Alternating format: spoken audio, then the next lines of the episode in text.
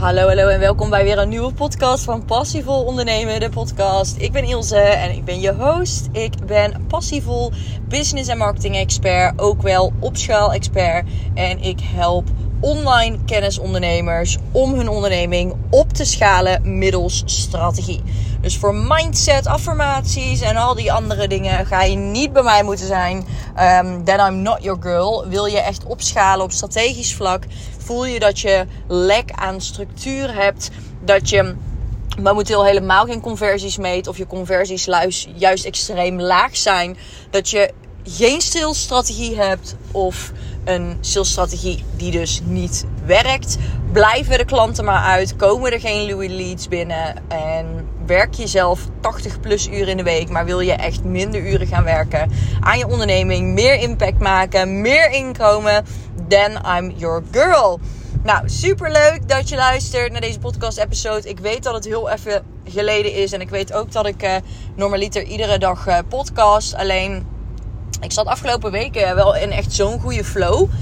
Waardoor ik het podcasten soms een beetje vergat. En ik ook heel erg veel bezig was met mijn klanten.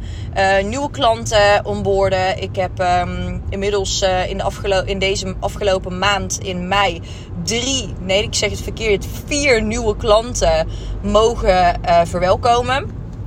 Super krachtig en super toffe klanten, allemaal in diverse niches, allemaal met diverse businesses. De een gestart als coach, de andere al coach, uh, de andere virtual assistant, de andere weer meer een content creator slash social media manager, uh, maar doet ook iets met copywriting. Dus echt ontzettend leuk, um, maar daardoor ook best wel druk geweest. Dus ik... Kan niet beloven dat ik terug ben met iedere dag podcasten. Maar ik ga mijn best doen. En ik wil het je vandaag, ik wil het vandaag met je over. Met je, ja hoor. Het is super warm in deze auto. En ik wil die blazers niet aanzetten. Maar ik wil het vandaag met je hebben. Over een stukje kritiek.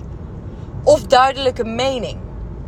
En dit doe ik naar aanleiding van een bericht uh, wat ik had ontvangen. Een reactie op een uh, reel. En ik vind het juist alleen maar super mooi hè. Um, dat mensen ehm, daarop reageren.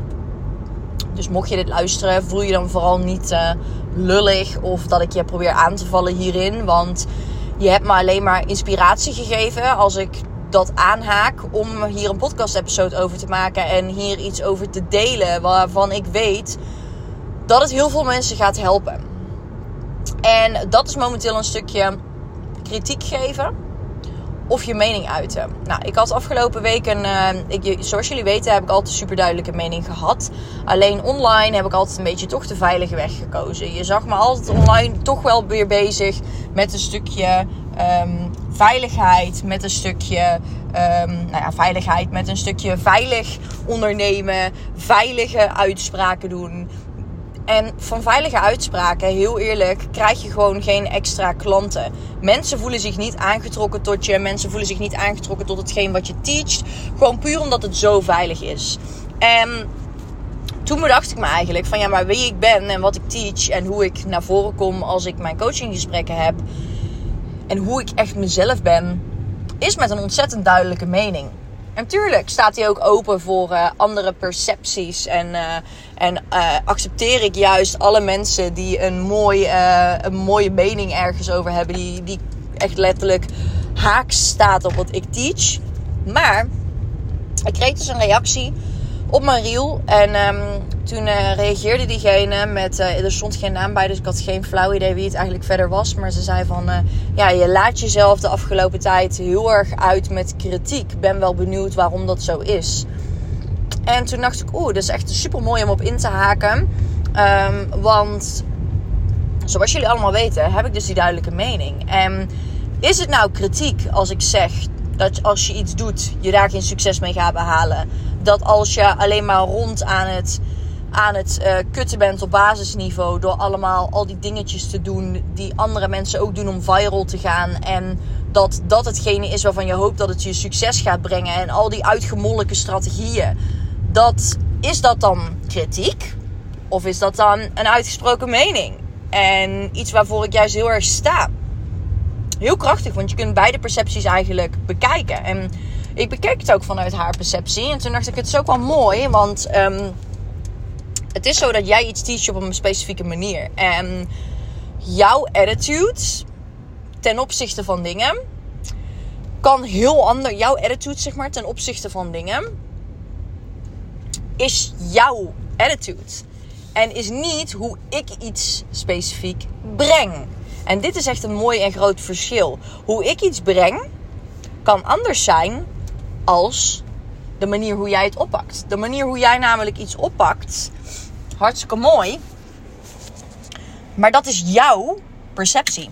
Jouw attitude ten opzichte van wat ik te teachen heb.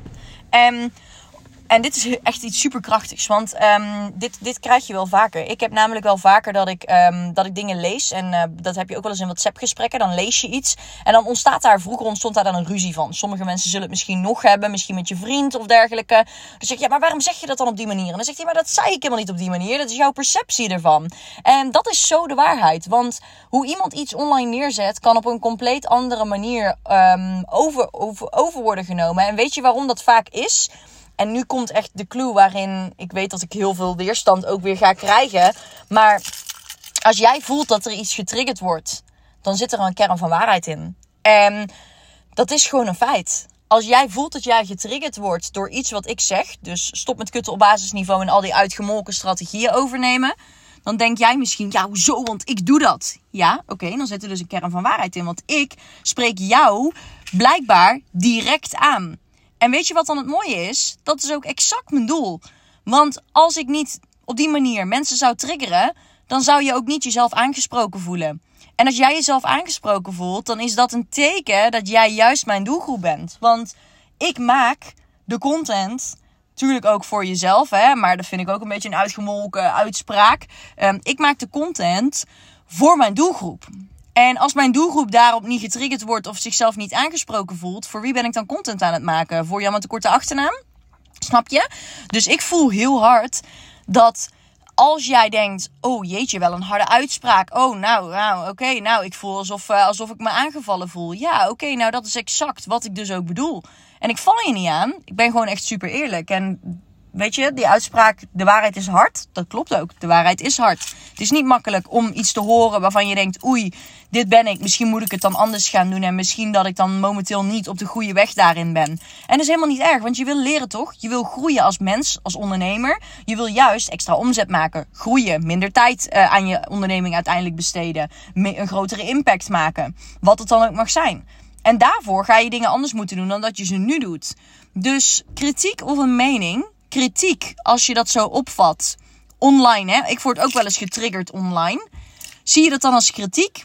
Dan ligt dat aan jouw attitude, want het is jouw perceptie ervan.